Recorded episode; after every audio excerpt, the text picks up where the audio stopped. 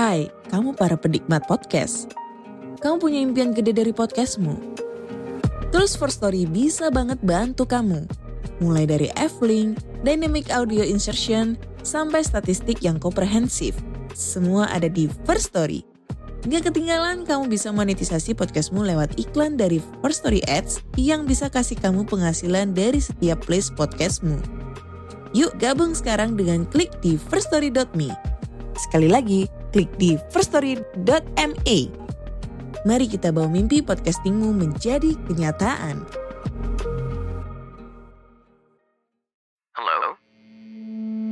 Hello? Podcast Network Asia. Lisir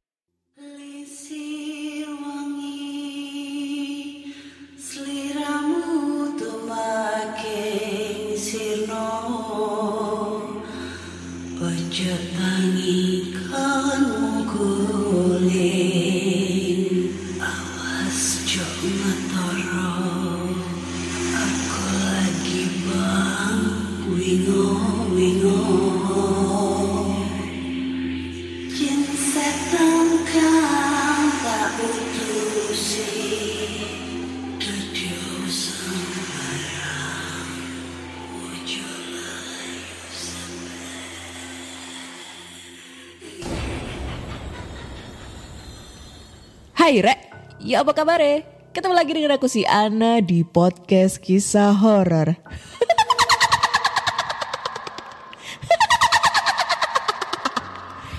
Ketemu lagi di segmen Binor dan ini episode 3 ya di segmen Binor ini bincang horor. Sebelumnya segmen Binor kemarin eh, kita kolaborasi sama kemarin apa ya namanya? Oh, podcast sekedar gibah ya itu yang punya ponakan saya dan teman-teman saya. Dan sekarang podcast kisah horor bakal kedatangan tamu dari Podcast Sudut Gelap. Wah, podcast sudah gelap. Agak agak telat ya karena kita eh, berbicara jarak jauh. Ada yang di Solo, ada yang di Bandung, ada yang di Surabaya. gitu. Tiga kota, tiga kota. Nah, iya. Ini podcast sudut gelap ini kebetulan eh, podcast horor juga ya kak ya. Iya benar. Eh, bisa dikenalin nih, ada siapa aja di podcast sudut gelap? Ivan dulu boleh Ivan. Oke. Halo teman-teman pendengar podcast kisah horor. Kenalin aku Ivan sebagai pembawa podcast dari podcast Sudut Gelap dan di sini eh, aku mau terima kasih sebelumnya mau- udah diundang untuk kolaborasi juga di podcast kisah horor oleh Kanha. Hmm, sama-sama. Aku ditemenin sama editorku teman-teman. Halo semuanya, kenalin nama aku Haikal Majid, cuman dipanggilnya Fafa ya, agak aneh. Nama nama aku sebenarnya Fauda Haikal, jadi dipanggil Fafa. Terus aku di sini di podcast Sudut Gelap sebagai editor dan juga produser. Jadi nyari-nyari materi juga, bantuin Ivan kayak gitu. Betul. Oke. Sip. Nah, buat teman-teman nih yang penasaran banget dengan podcast Sudut Gelap, kalian bisa dengerin di Spotify, Google Podcast, Apple Podcast. Jangan lupa di-follow di Spotify dan kasih rating bintang 5 nih buat mereka supaya mereka tuh lebih semangat lagi nih. bener. Ya kan? Yuk, betul banget. Cuman satu orang yang ngasih rate bintang Oke. 5. Oh, nggak apa-apa. Siapa tahu udah diajak kolaborasi sama podcast kisah horor langsung banyak yang mampir ke podcast sudut gelap terus ngasih bintang 5. Wah, kasih bintang 5 Kakak gitu. Waduh. Oke nih Kak. Jadi di podcast kisah horor ini eh aku biasanya ngebacain cerita horor dari pendengar nih, pendengar-pendengar podcast kisah horor yang da, eh, apa? Yang ngirimkan via email gitu. Terus aku bacain ulang. Nah, berhubung ini segmen binor, bincang horor, jadi aku sukanya itu eh, ngobrolin pengalaman horor nih dari bintang tamu aku. Boleh. Nah mungkin kakak-kakak ini ada nggak sih pengalaman horor yang membekas sampai sekarang tuh? Wah, Ivan dulu lah ya, Ivan dulu. eh, aku dulu aja ya, aku dulu Sapa aja. dulu, sapa Yang- dulu. yang- Oke. Yang tidak sesensitif Ivan. Wah. Wah, Jadi kalau pengalaman pengalaman serem kali ya, pengalaman seremku itu Mm-hmm. ketika aku jadi itu aku kuliah itu ikut unit kegiatan mahasiswa. UKM Oke. di eh, radio komunitas di Solo. Jadi aku ikut radio komunitas UKM. Radionya ini udah cukup lama dari tahun 97. Dan aku tuh baru masuk itu 2017 masuk ke radio itu. Oke. Tapi sekarang udah nggak di situ lagi ya. Jadi tuh tempat yang sekarang itu ada di samping perpustakaan, sayap kanannya perpustakaan. Oke. Tapi itu dulu dia tahun awal-awal banget, tahun 97 sampai 2000-an. Dia tuh tempatnya tuh di lantai 4 perpustakaan sebenarnya. Cuman katanya tuh ada tragedi kebakaran. Oh. Wah ini bisa jadi clue ya. Clue buat anak-anak Solo. Wah. Tragedi kebakaran di salah satu kampus. Ini nggak usah nggak usah kita sebutin nama kampusnya, tapi pasti anak-anak Solo pasti tahu Nggak nih. nggak usah disebut tempatnya Oke. lah. Iya. Tapi kayaknya sih harusnya udah pada tahu sih, udah pada tahu ya. Ya. Terus lanjut. Oh ya, aku nggak tahu.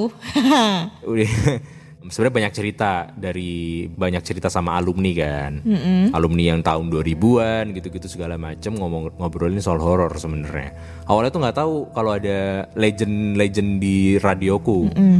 Jadi itu sebenarnya ada karena kebakaran itu sebenarnya ada korban jiwa satu korban jiwa. Nah satu korban ini itu tuh yang yang bener-bener selalu ada di studio radioku yang sekarang ini. Dan itu selalu ada dia tuh tempatnya di gudang katanya. Serem banget ya. Cewek apa cowok kak? cewek cewek. Oh cewek. jadi tuh perawakannya yang ini yang dilihat sama temen-temen ya. Karena aku nggak bisa ngeliat. Jadi itu yang dilihat itu dia pakai baju PDH-nya PDH radionya. Kan namanya juga UKM ya pasti ada pakaian dinas hariannya gitulah PDH ala kampus gitu. Tapi dengan luka bakar gitu. Dengan luka bakar gitu. Karena kebakaran. Karena korban kebakaran gitu kan ya sebenarnya kejadiannya banyak cuman ini ngomongin kejadiannya aku aja ya kalau aku nggak sebenarnya nggak digangguin Oke. sama secara fisik gitu sih jadi pokoknya pada saat itu aku tuh lagi siaran eh, malam lagi siaran malam itu tuh siaran dari jam 10 sampai jam 12 malam. Biasanya kalau anak-anak kampus jam 10 sampai jam 12 itu kalau di radioku tuh sebenarnya rame. Rame sebenarnya ada yang ada yang nginep di studio segala macam. Cuman pada saat itu yang nginep itu cuman aku sama cutting aku. Jadi berdua, berdua.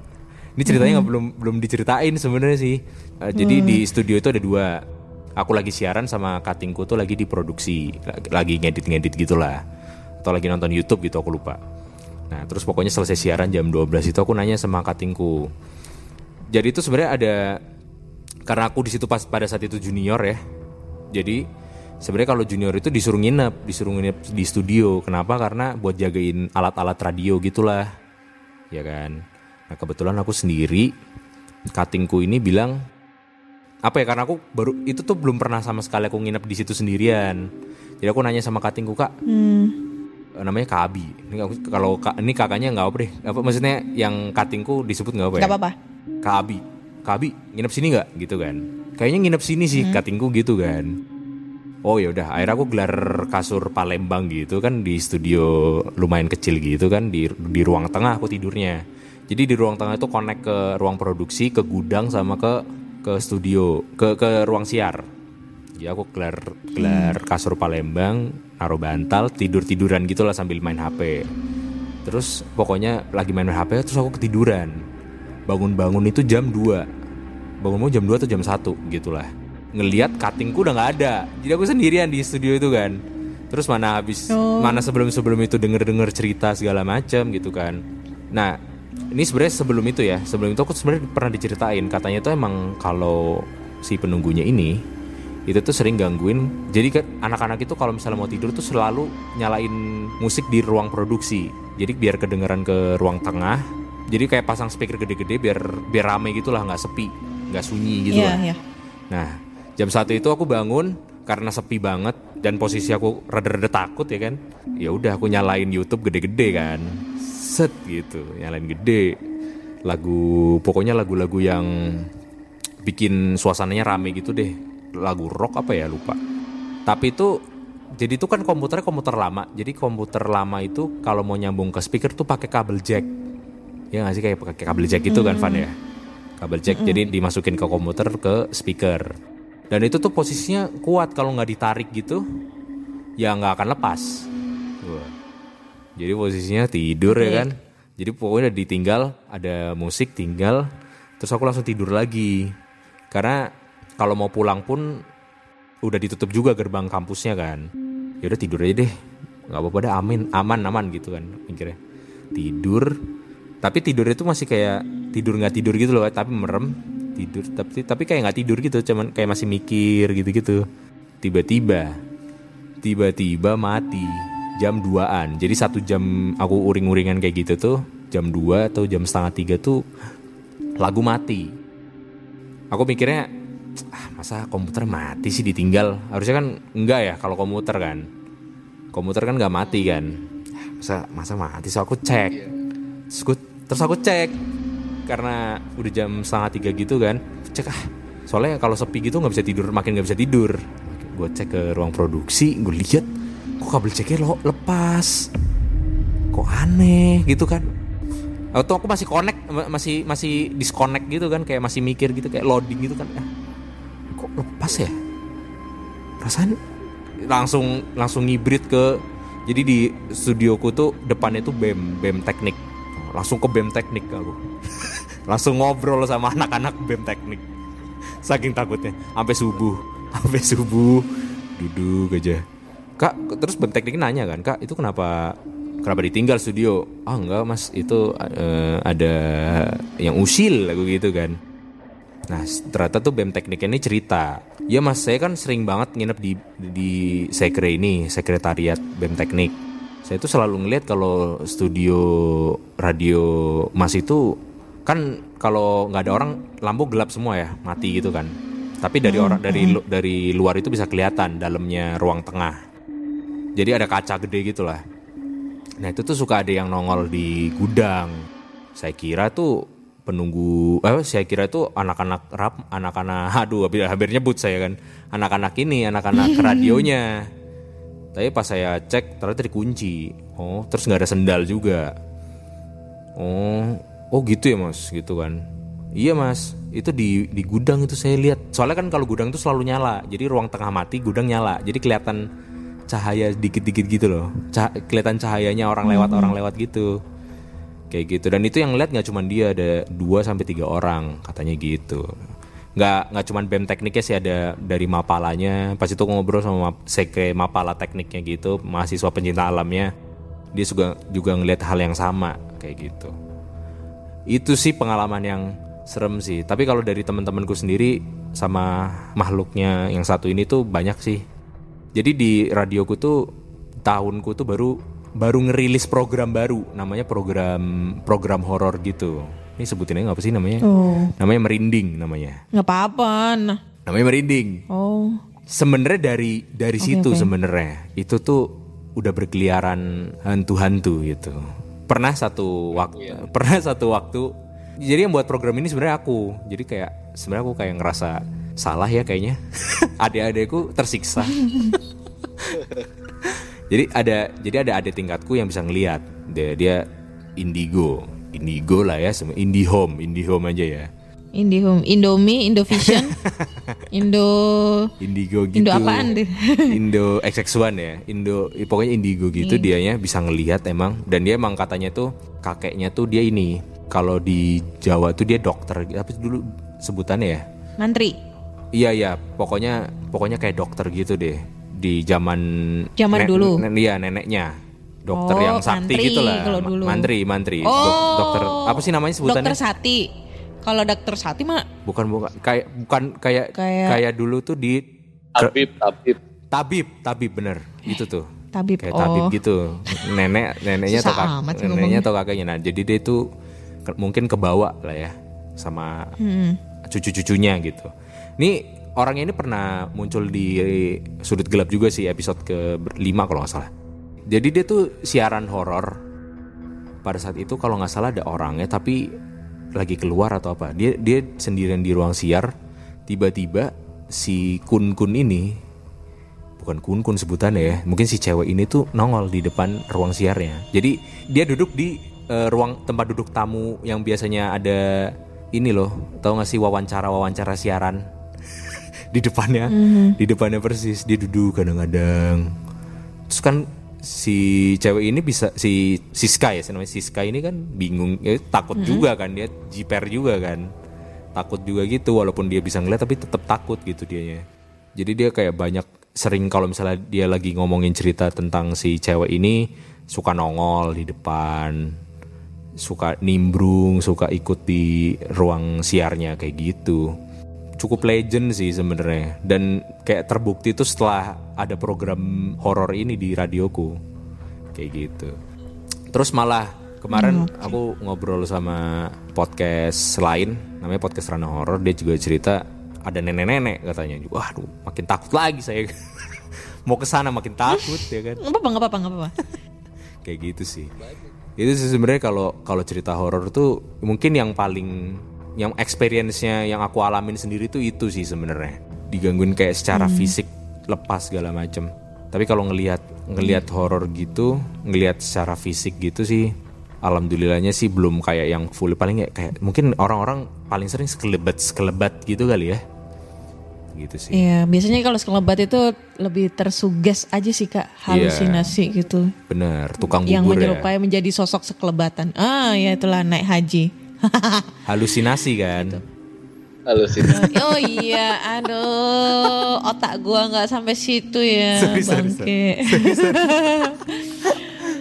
gitu sih. Tapi selain selain itu nggak ada nggak ada kejadian, maksudnya selain di tempat siaran tersebut di kampus ya, nggak ada pengalaman horor rumah sih kak. di apa ruangan lain gitu kak? Oh kalau di ruang lain enggak sih. Kalau di studio itu cuma di bagian situ aja sih. Cuman kalau pengalaman horor lain tuh ada di eh, ini di rumah lamaku. Jadi aku tuh di Solo tuh ada dua rumah. Eh, Ada dua rumah. Pokoknya di yang satu yang rumah lama ini ada di daerah Penumping. Mungkin yang yang tahu mungkin ya, orang-orang Solo yang pendengarnya pendengar Solo Iya. ada rumah rumah di daerah Penumping situ. Itu rumah lama banget. Rumah kakek nenekku kali dari tahun 90-an kayaknya. Dan itu tuh luasnya Masih ditempatin. masih ditempatin. Tapi ya Oke. karena karena luas banget rumahnya, mungkin ada satu hektar kali kak. Mungkin ya, mungkin ada. Dan itu emang luas banget. Bangunannya emang bangunan panjang gitu, eh lebar gitu. Kalau rumah se satu hektar kayak gitu, yang nempatin cuma satu dua orang kan ribet ya. Banyak yang terbengkalai gitu. Betul. Apalagi ke, pas Iya. itu kejadiannya kakekku baru baru apa baru meninggal. Oh, innalillahi. Ada nggak sih tahu apa tahu nggak sih kayak kalau kamar mandi kering itu biasanya langsung dihinggapi makhluk kayak gitu. Ya sih. Kamar mandi kering. Kamar mandi Dihinggapin. kering nggak ada Itu airnya tuh? sama sekali. Kalau jadi kamar mandi Heeh. kamar mandi di kakekku Oh. tuh kering karena nggak dipakai kamarnya. Kalau kalau nggak dipakai, Iya nggak dipakai kering nggak ada air itu kan langsung horor ya katanya. oh, nggak tahu sih aku. Katanya tuh katanya tuh harus diisi walaupun nggak dipakai harus ada airnya minimal harus basah lah harus Oh, Nah, jadi pas itu aku lagi ada project buat film, terus aku kebetulan sutradara filmku itu dia kebetulan tuh bener-bener bisa ngeliat. Tapi kita nggak pada tahu. Pokoknya dia masuk ke rumah rumahku malam-malam, dia ngeliat langsung kaget mau masuk rumahku. Hah? Kaget bener-bener kaget gitu loh. Terus kok kayak bingung kan? Lu kenapa gitu kan? Oh enggak enggak apa-apa enggak apa-apa gitu kan. Dia jalan lagi pelan-pelan gitu. Terus pokoknya eh, long story short mau pada pulang karena kan cuman riset rumah doang kan buat ditaruh di apa naro-naro alat-alat alat-alat gitu kan sama dekor-dekor. Temenku ini si sutradara ini pulang terakhir. Pulang terakhir dia bilang kan kurang ajar ya. Harusnya mau bilang rame-rame biar nggak takut ya kan. Dia bilang pas gue sendiri gitu kan. Terus kan eh Kal, lu tau gak sih kenapa gue tadi kaget gitu kan? Hah? Enggak, nggak tahu kenapa lu kaget gitu kan? Masih aku masih belum connect tuh. Dia bilang, hmm. itu kamar mandi kakek lu ya? Gitu kan? Yang itu tuh, itu kamar kakek lu kosong ya gitu kan? Dia kok tahu, padahal gue nggak pernah ngasih tahu kakek gue udah meninggal. Oh iya, kakek gue baru meninggal kemarin soalnya. Oh, pantas kamar mandi kamar itu tuh kering ya? Gitu dia langsung gitu. Ya udah, Pak. Eh, ya udah, Pak. Ya udah Kal, lu langsung ini aja deh langsung nanti besok pagi langsung isi bak ya sama basahin kamar mandinya gituin. Emang kenapa gue gituin kan gue bingung ya. Jadi tuh ada satu makhluk yang katanya tuh bentuknya tuh kayak Slenderman gitu, panjang, hitam. Tapi dia tapi dia merangkak. Wah. udah saya udah udah gue sendiri di situ kan. Kenapa dia cerita kayak gini? Mending nanti aja mending di- lewat chat besok pagi gitu kan. Dia langsung ngomong pokoknya kayak bentuknya kayak Slenderman hitam merangkak dan ternyata tuh nggak cuma di kamar mandi itu aja ternyata ada di satu kamar mandi lain. Jadi dua kekuatan yang beda gitu gue gue nggak tahu bahasanya gimana tapi ada dua kekuatan yang saling berbenturan di satu kamar mandi ke- dan kamar mandi lain gitu loh. Jadi kamar mandi yang paling sering dipakai itu ada penunggunya juga di kamar mandi yang nggak kepake ini ada penunggunya juga.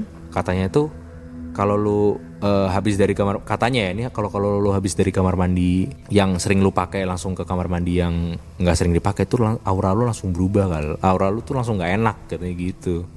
Bukan aduh kok takut gue ya makin di rumah. Akhirnya langsung ke kosan teman saya kan akhirnya tidur di kosan teman tapi katanya itu bentuknya Slenderman manjat gitu dan itu tuh aku makin makin percaya soalnya setiap aku pulang jam 1 pagi itu tuh aku kan ada kucing dua pada saat itu. Kucingku tuh selalu ngeliat ke arah kamar mandi kakekku. Ah itu makanya kan aku langsung mikirnya ke situ wah bener juga ya kucing gue tuh selalu ngeliat ke kamar mandi itu jam satu pagi. Terus kan gue bingung ya oh ternyata gara-gara ini kayak gitu. Dan itu tuh ternyata nggak cuman dilihat sama temanku yang sutradara ini pembantuku yang dulu itu juga ternyata ngalamin juga gitu. Ngelihat juga gitu. Ketika dia lagi ngambil barang di kamar kakekku tuh dia bener-bener plek ngelihat eh, pintu kamar mandi kebuka dia dia berdiri gitu. Terus kayak langsung ngibrit langsung nangis pembantuku. So kan bingung ya. Mbak mbak kenapa mbak? Enggak. Gitu dia. Kayak oh my god. Gue ngeri ya. Tapi tuh rumah masih eh yang nempatin sekarang siapa? akhirnya dipakai sama omku akhirnya akhirnya dipakai sama omku Oh, di tapi dirombak rame-rame kan. tetap sepi juga sih Soalnya kak kan kebanyakan bertiga. itu kalau rumah-rumah di desa kan aku juga eh, bapakku kan asli Jogja ya. Jadi kebanyakan itu kalau rumah udah di wilayah Jawa Tengah itu ya Iya. Jogja, Jawa Tengah itu kalau walaupun besar tapi mesti penghuninya kecil dan emang rumah area apa ya model-model rumah kayak gitu tuh identik kayak horor banget betul nggak sih? bener bener Karena pengalaman dengan rumah nenek saya itu di Jogja kayak gitu Wah, sebelum kacau sih. apa sebelum gempa iya sebelum gempa Jogja itu rumahnya ya kayak gitu kak sama kayak kayak ceritanya kakak tuh Iya, jadi iya. rumahnya tuh berhektar-hektar apalagi rumah nenekku tuh depannya itu kebun jati aduh kebun jati, Jati, ya. keluarga jati jadi apa ya kerasa banget horornya kayak gimana gitu loh apalagi waktu tuh nenekku kan eh, tinggal sendiri kak walaupun sebelah rumahnya itu rumah bude gitu ya tapi Iya. kan dia tinggal sendiri horornya kayak gimana kalau sekarang kan udah dirombak lagi direnovasi karena Iya. semenjak kena gempa di Jogja jadinya direnovasi lagi gitu wih keren ya Aku di sana kan setelah eyangku meninggal tuh aku berdua sama kakakku berdua. Hmm, Dengan rumah segede itu ada halaman belakang, ada balkon gitu kan di belakangnya. Kan aku Hmm. sama kakakku mikir kan, eh anjir kalau kita berdua di sini terus nih rumah terbengkalai nih. gitu kan. Nih akhirnya karena jadi kayak kakek- ceritanya ini ya rumahnya Mr. Popo Oh iya yang bener yang Rad- Eyang. Raditya di, yang di ya yang diceritain Iya. Raditya. Iya bener itu kayak gitu kurang lebih persis rumahnya. Jadi Iya. rumahnya putih ada pilar-pilarnya gitu. Panjang gitu. Rumah-rumah zaman dulu emang serem-serem. Wah kacau, serem-serem. Tapi sampai sekarang itu setelah ditempatin sama eh, omnya kakak sama apa udah dirombak gitu, masih ada nggak gangguan-gangguan kayak gitu? Karena kan aku sekarang harus ikutannya ikutannya udah pindah sebenarnya kan. Tapi eh, rasanya kan feel itu kan kadang beda ya. Jadi omku ini sebenarnya lebih jauh apa agamis banget sih. Jadi aku ngerasanya lebih adem aja sih. Iya. nggak sesumpek dulu dulu tuh panas banget kak. Dulu tuh pas ditinggal kakekku itu panas banget. Sumuk terus gitu loh kak. Awa hawanya tuh panas aja. Nggak tahu. Ya karena anda penuh dengan dosa makanya ah mungkin panas. ya, mungkin lebih ke situ ya. iya. Aduh, maaf ya harus jujur. Iya, emang Nggak, bener nggak, kayaknya. canda. Tapi emang bener ya. Ivan Ivan tuh pernah datang juga ke rumah Ivan ya? Pernah Pernah. pas nginep dua Iya, hari. Bener. Tapi tapi itu masih ada Tapi masih pernah ada pernah kakekku. ada pengalaman horor juga kak di situ? Eh, pas aku nginep sih nggak ada sih kak. karena ya emang nggak tahu emang nggak tahu rumahnya nggak horor ya menurut Hmm. menurutku pas aku nginep di situ sih nggak horor karena Hmm. emang Hmm. eh, Karena masih ada kayaknya masih ada kakekku, Van. Ya ada kan Iya. ya terus saat itu posisi rumah lu kan lagi rame waktu itu lagi, Lagi ada rame. anak kosan juga ya Ada lagi ada anak kosan, jadi ada kosannya gitu kak. Jadi yang bikin horor itu juga Hmm. belakang itu ada pohon pisang banyak banget. Nah pohon pisang kan tahu sendiri Iya, ya iya. kan. Tahu sendiri dong kalau pohon pisang ada apa. gitu. Ada pocong. ada ada buah pisangnya Iya itu, iya itu itu paling. Tapi aku baru tahu loh kak, kalau ada mitos kalau misalnya kamar mandi kering itu malah ada penghuninya. Ma- malah justru setahuku kalau misalnya ini kamar mandi dalam keadaan lembab, Mm-mm. apalagi kotor ya, jarang dibersihin tapi kondisinya lembab kayak penuh dengan jamur, eh kok Iya, iya, jamur, iya. apa lumut kayak gitu-gitu, itu malah banyak penghuninya karena setahuku kalau eh, Miss K ini lebih suka eh, lokasi yang lembab, basah dan kumuh, kotor gitu. Aduh. Contohnya kayak kamar mandi gitu. Iya iya iya. Setahuku loh Tapi ya, Kak. tapi emang Tapi ini baru baru ini. Iya itu aku juga baru tahu kak sebenarnya kak. Soalnya Hmm. soalnya emang sekering itu sih sebenarnya pas aku masuk tuh kering banget kayak, wih apa ya kering aja putih gitu loh. Kan pakainya keramik keramik kamar mandi gitu kan. Kayak putih kan kalau nggak dibasahin kan putih gitu warnanya. Hmm. Iya. Gitu sih. Katanya itu terus kan kaget kan. Terus penghuninya juga bukan cewek sih kak. Penghuninya emang kayak Slenderman gitu kayak Spiderman. Eh bukan Spiderman kayak Slenderman Anjir. tapi tapi kayak manjat-manjat gitu. Eh, jujur ini merinding loh gue. Anjay. Gak tahu Siluet. nih dari tadi ya. Dari tadi gue merinding gitu. Wah berarti ini emang di di kamar atas ini sendirian lagi. Gue juga sendi kamar atas sendirian lagi nih. Iya, anjay. Kita sehat ya. Jangan-jangan Ah, kita Aduh. Oh, oh, oh. Oke. Nih, Ivan nih. Mungkin Mas Ivan ada pengalaman horor nggak? Oh, ada. Pasti ini lebih ngeri nih. Ada, ada. Wah ini nih yang kita tunggu, Tadi- yang kita tunggu-tunggu. Tadi aku, tadi aku cerita aja ya buat tempat siapa tahu kan mau ke Bandung nih ke Anha. Terus habis itu pengen langsung bacain kisah horor di Bandung siap. gitu. Sebenarnya saya pengen ke Bandung lagi, cuma takutnya nanti mengulang masa-masa lalu yang sangat menyedihkan Wah. gitu karena di Bandung ada pengalaman sedih gitu. Waduh. Ini horor tapi beda horor sih jenisnya. Ya, horornya nyakitin hati nih masalahnya. Oke. Oke, pengalaman apa tuh Kak Ivan? Boleh cerita nggak? Jadi pernah dulu pas aku masih eh, SMP kayak. Jadi kan pas SMP tuh ada kayak field trip gitu kan, kayak outing, seneng-seneng ke mana bareng-bareng rame-rame. Nah waktu itu tuh ada ke gua Jepang sama gua Belanda di daerah Dago ada namanya gua Jepang dan gua Belanda. Oh. Nah itu tuh tempat di mana dulu tentara kan dulu kan Indonesia dijajah sama banyak negara gitu sama Jepang, sama Jepang. Belanda lah gitu kan. Nah itu katanya tempat saling Oh, betul betul. saling bersembunyinya, saling eh, bikin markasnya tuh katanya tuh di situ. Kalau misalkan Ya, oke. ada tawanan dari Belanda yang ditangkap sama Jepang, disiksanya dalam tanda kutip disiksa itu di gua Jepang dan begitu pula sebaliknya kalau misalkan ada tawanan Jepang yang ketangkep sama Belanda, ya dikerja rodikannya tuh di gua Belanda. Nah, Oke. jadi kalau dari gua Jepang ke gua Belanda itu jaraknya nggak jauh, nggak deket juga. Gua butuh sekitar 10 menitan jalan kaki lah baru sampai. Nah, aku tuh per seingetku ya pas dulu masih eh, SMP, aku tuh masuk ke gua Jepang itu tuh ada di dalam gua itu satu ruangan yang kata eh, guide tournya itu ruangan tempat penyiksaan. Aku tuh Hmm. hal pertama yang aku rasain pas masuk ke ruangan itu itu tuh cuma satu kak. Keluar kamu. Kayak seakan-akan tuh gak boleh masuk ruangan itu gitu. Kayak diusir lah gitu. Karena yang aku rasain tuh, Itu wujudnya suara atau kayak gimana? eh, suara cuman menurutku tuh kayak aku doang yang denger gitu loh. Kayak ditujukan suaranya tuh ke aku gitu. yep, yep. karena saat itu yang Temennya nggak dengar. saat itu yang bener-bener masuk agak dalam tuh aku temanku tuh pada di pintu terus pada Oke, di depan di mana. Aku tuh bener-bener pakai senter ngelihat ke dalam ada apa gitu. Cuman sari samar-samar sih kak suaranya tuh kayak keluar keluar keluar gitu. nah ya otomatis aku langsung respon dong. Langsung respon dan pas aku keluar ruangan aku tuh baru ngerasain ternyata ruangan itu tuh bener-bener auranya tuh nggak nggak enak nggak enak banget.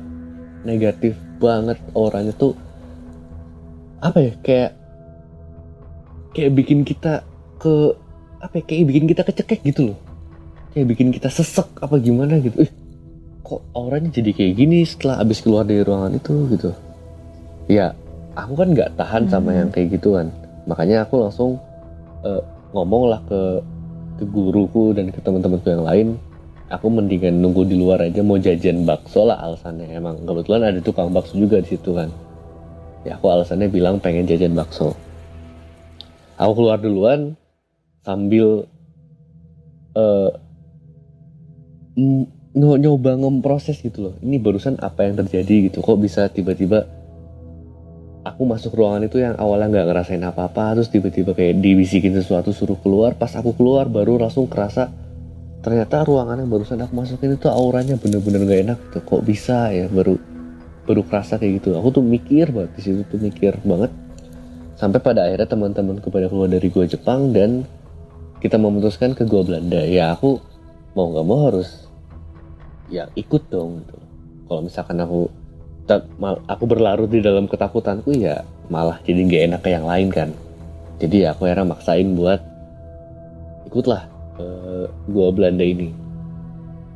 Nah bedanya gua Jepang sama gua Belanda kalau gua Jepang itu banyak lorong-lorong dalamnya. Jadi kayak masuk ke gua sebelah kanan ada lorong masuk maju lagi sebelah kirinya lagi ada lorong jadi banyak lorong-lorong gitu lah bedanya kalau gua Belanda itu gua Belanda tuh cuman satu gua gede satu pintu keluar satu pintu masuk di tengah-tengahnya tuh ada rel kereta zaman dulu kak kalau yang di kartun tuh yang keretanya digenjot baru jalan Oh iya, tahu tahu tahu. Ah, ah. Nah, ada jalur kereta kecil kayak gitu. Nah, kalau di gua Belanda lebih ekstrim lagi itu aku belum masuk ke goanya tuh udah wah nggak bener nih nggak bisa aku masuk gitu. Karena eh, kebetulan aku tuh orangnya bisa ngerasain, cuman nggak bisa lihat yang kayak gitu-gitu. Kalau misalkan aku masuk ke satu daerah atau satu area yang agak negatif auranya nih aku bakal pusing mual itu sudah pasti bakal tiba-tiba ngerasain eh, gejala-gejala kayak gitu. Nah biasanya kalau misalkan aku udah ngerasa kayak gitu aku nggak bakal maksain untuk ah ini mah masih bisa lah gitu. Aku nggak bakal maksain untuk seperti itu karena eh, katanya kalau misalkan aku maksain tuh amit-amit banget. Bisa sampai kayak kesurupan bisa sampai beneran muntah mual pusing pingsan dan sebagainya gitu. Makanya aku nggak dari dulu aku nggak berani maksain kalau misalkan aku udah ngerasa oh ini nggak nyaman nih. Ya udah aku mendingan nggak melanjutkan akhirnya aku cuma nunggu eh, di depan aja sambil lihat-lihat ya sambil lihat-lihat area depan guanya aja lah. Lepas itu aku udah lega nih. Ah alhamdulillah nggak ada yang horor gitu. Nah wah ini bener-bener masih keinget banget. Pas aku madep belakang mau turun de karena kan gua Belanda kan di ujung kan lebih ujung dari gua Jepang. Nah itu tuh mau turun ke daerah tengahnya lah daerah ngumpul busnya lah. Pas mau turun balik badan aku tuh dari jauh kak dengar suara kereta roda roda besi kereta nih yang jalan cikik cikik cikik cikik gitu. Makin lama makin lama makin kenceng suaranya.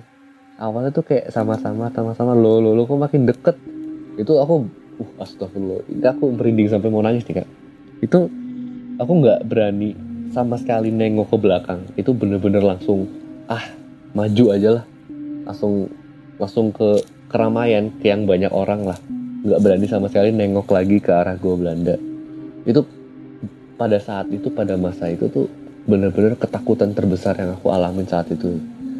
Dan sampai sekarang tuh masih terngiang loh suara decitan roda rel roda sama rel keretanya ini tuh masih kedengeran masih keinget sampai sekarang bunyinya kayak gimana.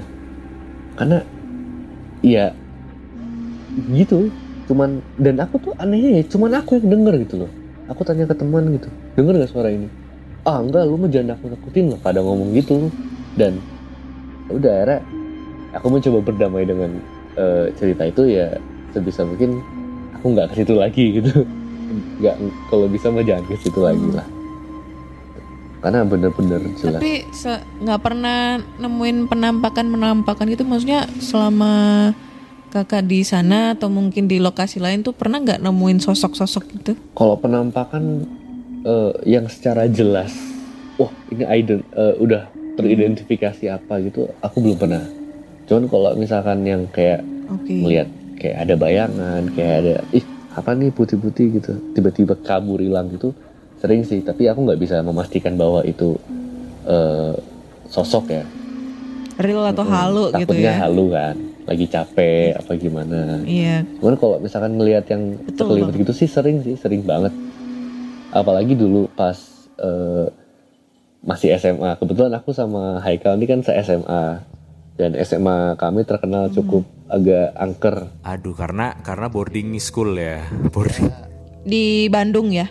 Bukan di Sukabumi. Enggak, SMA kami di Sukabumi. Kaki Gunung Salak. Di mana? Kaki Gunung Di mana? Salak. Sukabumi. Sukabumi. Oh suka. Oh keliling ya si Mas Oh Haikal. iya, Keliling-keliling ke mana-mana Iya. ya? SMA-nya Iya. SMA-nya kayak asrama gitu kak. Oke nah keren sih. itu tuh cukup horor juga kalau di situ. Iya.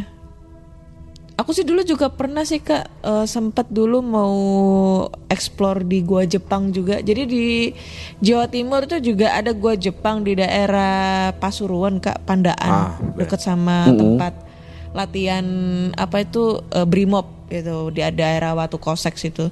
Cuma pas nyampe sana itu kan gua Jepangnya tuh deket taman taman-taman gitu. Jadi de- depan itu ada taman bermain terus kalau kita ke belakang itu ada gua gitu.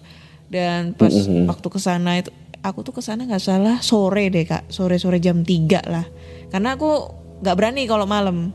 Takutnya ada apa-apa gitu kan. Bukan bukan takut ada setan waktu itu. Takut begal atau apa gitu kan. Maling. soalnya lokasinya iya lokasinya kan sepi gitu loh.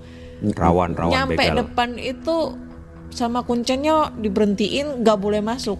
Karena satu gue cewek terus sendirian. Terus di situ juga bahaya katanya lebih apa ya eksistensi horornya itu eh, banyak banget. Apalagi kalau dulu itu temen aku pernah cerita jadi temen aku pernah ke sana juga kak cuma cowok eh, ke gua Jepang. Jadi katanya tuh pada saat dia explore ke sana itu eh, dia tuh sering ngedengar kayak suara ini loh kak kayak langkah kaki orang lagi baris berbaris jadi kayak trap trap trap kayak gitu loh kayak Oke oke. orang banyak yang lagi langkah tegap itu loh kak tahu nggak Kayak tentara Suaranya yang kan lagi konvoy jalan gitu. Nah, iya bener. Nah itu dia dengerin di dalam goa dan itu kan kedengeran banget tuh, kayak ngegema gitu katanya suaranya. Nah itu dia pada saat explore itu padahal baru nyampe, aduh baru seperempat dari eh, lubang depan deh. Itu dia udah ngedenger itu dan memang posisinya di situ tuh sepi, nggak ada orang. Jadi emang di gua Jepang di situ tuh sepi kak, nggak kayak di tempat-tempat lain kan lebih kayak dibikin tempat wisata ya kak ya. Tapi Iya, kalau iya. di situ Iya, tuh iya. sepi. Jadi mereka itu udah nggak berani ke dalam. Tapi kebanyakan sih orang-orang yang notabene-nya yang apa ya, yang tidak bertanggung jawab itu sering nge, eh, sering nyari nomor malah ke sana itu diem-diem nyari, Nyari nomor, nomor? katanya. Iya. Togel. Jadi kan kalau orang nyari nomor itu kan lebih seneng bawa dupa, bawa kemenyan, nyalain di situ. Kalau dinyalain ngasih kopi hitam, jadi kayak eksistensi horornya itu lebih kuat gitu kan. Kalau udah orang-orang kayak gitu tuh. Nah itu makanya sampai sekarang itu lokasi itu masih nggak boleh ada orang yang masuk ke sana. Terakhir itu aku ke sana itu tahun 2000 sa- eh 2021 akhir bulan apa ya November nggak salah Oh. Waktu itu nganterin temanku itu udah nggak boleh masuk udah kayak disegel udah dipager gitu jadi nggak boleh masuk sama sekali di situ emang serem sih Hmm. Tapi berarti dari dulunya itu bukan tempat wisata ya kayak? Kalau dulu Si itu, itu. bukan bukan eh, lebih ke apa ya kayak cagar budaya gitu loh kak yang di Oh. tapi ya kadang itu kalau zaman dulu itu ada tour guide-nya kak tapi karena seiring Oh. berjalannya waktu banyak orang-orang yang tidak bertanggung jawab datang ke Oke. situ hanya untuk cari sesuatu gitu kan yang ada sampai bertapa atau apa kayak gitu akhirnya ditutup kak. Disalahgunakan ya. takutnya kan nanti iya takutnya nanti kan berdampak yang ke yang lainnya. Karena di depannya gua itu ada taman gitu loh kak. Taman untuk orang-orang bermain atau nongkrong-nongkrong kayak gitu-gitu. Oh. nyebar kata takutnya. Gitu deh. Tapi emang kalau tempat tempat-tempat kayak gitu emang rawan apa ya? Sering banget didat- didatengin buat hal-hal yang kayak pesugihan gitu-gitu sih. ih bener banget. Iya kan? Tapi emang Ya, sih karena- kak dari dari zaman aku nge YouTube itu ya eh, lokasi yang menurutku menarik itu adalah lokasi yang eh, bangunan-bangunannya tuh zaman dulu. Hmm, kayak bangunannya zaman Belanda ada gua Jepang atau mungkin museum-museum kayak gitu. Itu lebih kayak apa ya Eh setannya lebih karis- karismatik gitu loh Oh, aduh. ya kan? noni-noni Belanda gitu. Waduh. saya saya bosen dengan kata-kata kuntilanak pocong itu saya bosen gitu loh Aduh. sesekali tuh ada noni Belanda atau vampir gitu kan yang vampir Cina lompat-lompat gitu atau apa gitu. Lompat tali. iya bosen ah itu dah apalah gitu deh kak Tapi emang lebih lebih ini sih maksudnya lebih ada sejarahnya aja kali ya. Kalau misalnya kayak cuman si Iya. kun-kun aja kan kayak orang apa sih gitu kan. Kalau bener banget kalau apa namanya kalau tempat-tempat prasejarah gitu lebih unik aja. Aku ta- aku tuh baru nonton YouTube ini. Ada tahu nggak sih kayak namanya apa ya? Nama ininya. eh Bumi Nusantara nama YouTube-nya. Oh punyanya ini Iya. Si Aduh, siapa ya itu? ini yang cerita di Aduh. rumahnya si siapa? Mister Mister Popo. Itu sih punyanya punyanya Bona, mantan kreatornya kisah tanah Jawa. Benar. Iya punyanya dia. Itu Iya, itu itu kan lebih saya- dia kan lebih ke sejarah ya kan, sejarah. Iya. Nah, itu tuh menurut Haikal sih jauh lebih menarik kayak gitu. Ada bentuknya tuh lebih beda. malah ini aku nonton yang "Aduh, kok serem banget ya malah, malah makin serem. Dulu masih ngonten itu dulu tuh aku sempet mau collab kak Oh, waktu dia masih gabung di kisah tanah Jawa. Tapi karena eh, pandemi ya, Oh jadinya iya. nggak jadi deh. Aduh, nggak bisa pansos gua. sama. sayang sayang banget itu sih. Peluang ya, Iya, peluang iya, kayak gitu. peluang banget. Oke, kayaknya cukup sekian dulu ya kak ya. Udah 52 menit nih kita nemenin para Wah. pendengar podcast kisah horor nih. Wih. Ngeri ngeri. Kayaknya Mantap. udah cukup sampai di sini dulu buat teman-teman nih yang penasaran banget buat ngedengerin podcast sudut gelap gelap sudut sudut gelap Sudut. ya itu ya kalian bisa dengerin di Spotify Google Podcast Apple Podcast jangan lupa di follow di Instagramnya dan follow di Spotify kasih Yeay. bintang 5 nih Boleh. ya kan Hey. Sebelumnya terima kasih banyak ya kak ya udah dikasih kesempatan nih podcast kisah horor kolaborasi dengan podcast sudut gelap. Semoga Iya. kita nanti ke depannya ada collab-collab lagi nih ya Amin. tentang cerita-cerita horor. Sama-sama kak. Oke. Terima kasih sudah ngedengerin podcast kisah horor sampai detik ini. Jangan lupa di follow juga podcast kisah horor di Spotify, Google Podcast, Apple Podcast serta di Noise dan jangan lupa follow juga di Instagram dan jangan lupa juga subscribe di channel YouTube namanya Ana Olive. Akhirnya saya Ana undur diri dan Haikal dan Saya Ivan. dari podcast sudut gelap pamit. undur diri juga. Terima kasih dan bye bye. Bye bye. Bye-bye. Pandangan dan opini yang disampaikan oleh kreator podcast, host, dan tamu tidak mencerminkan kebijakan resmi dan bagian dari podcast Network Asia.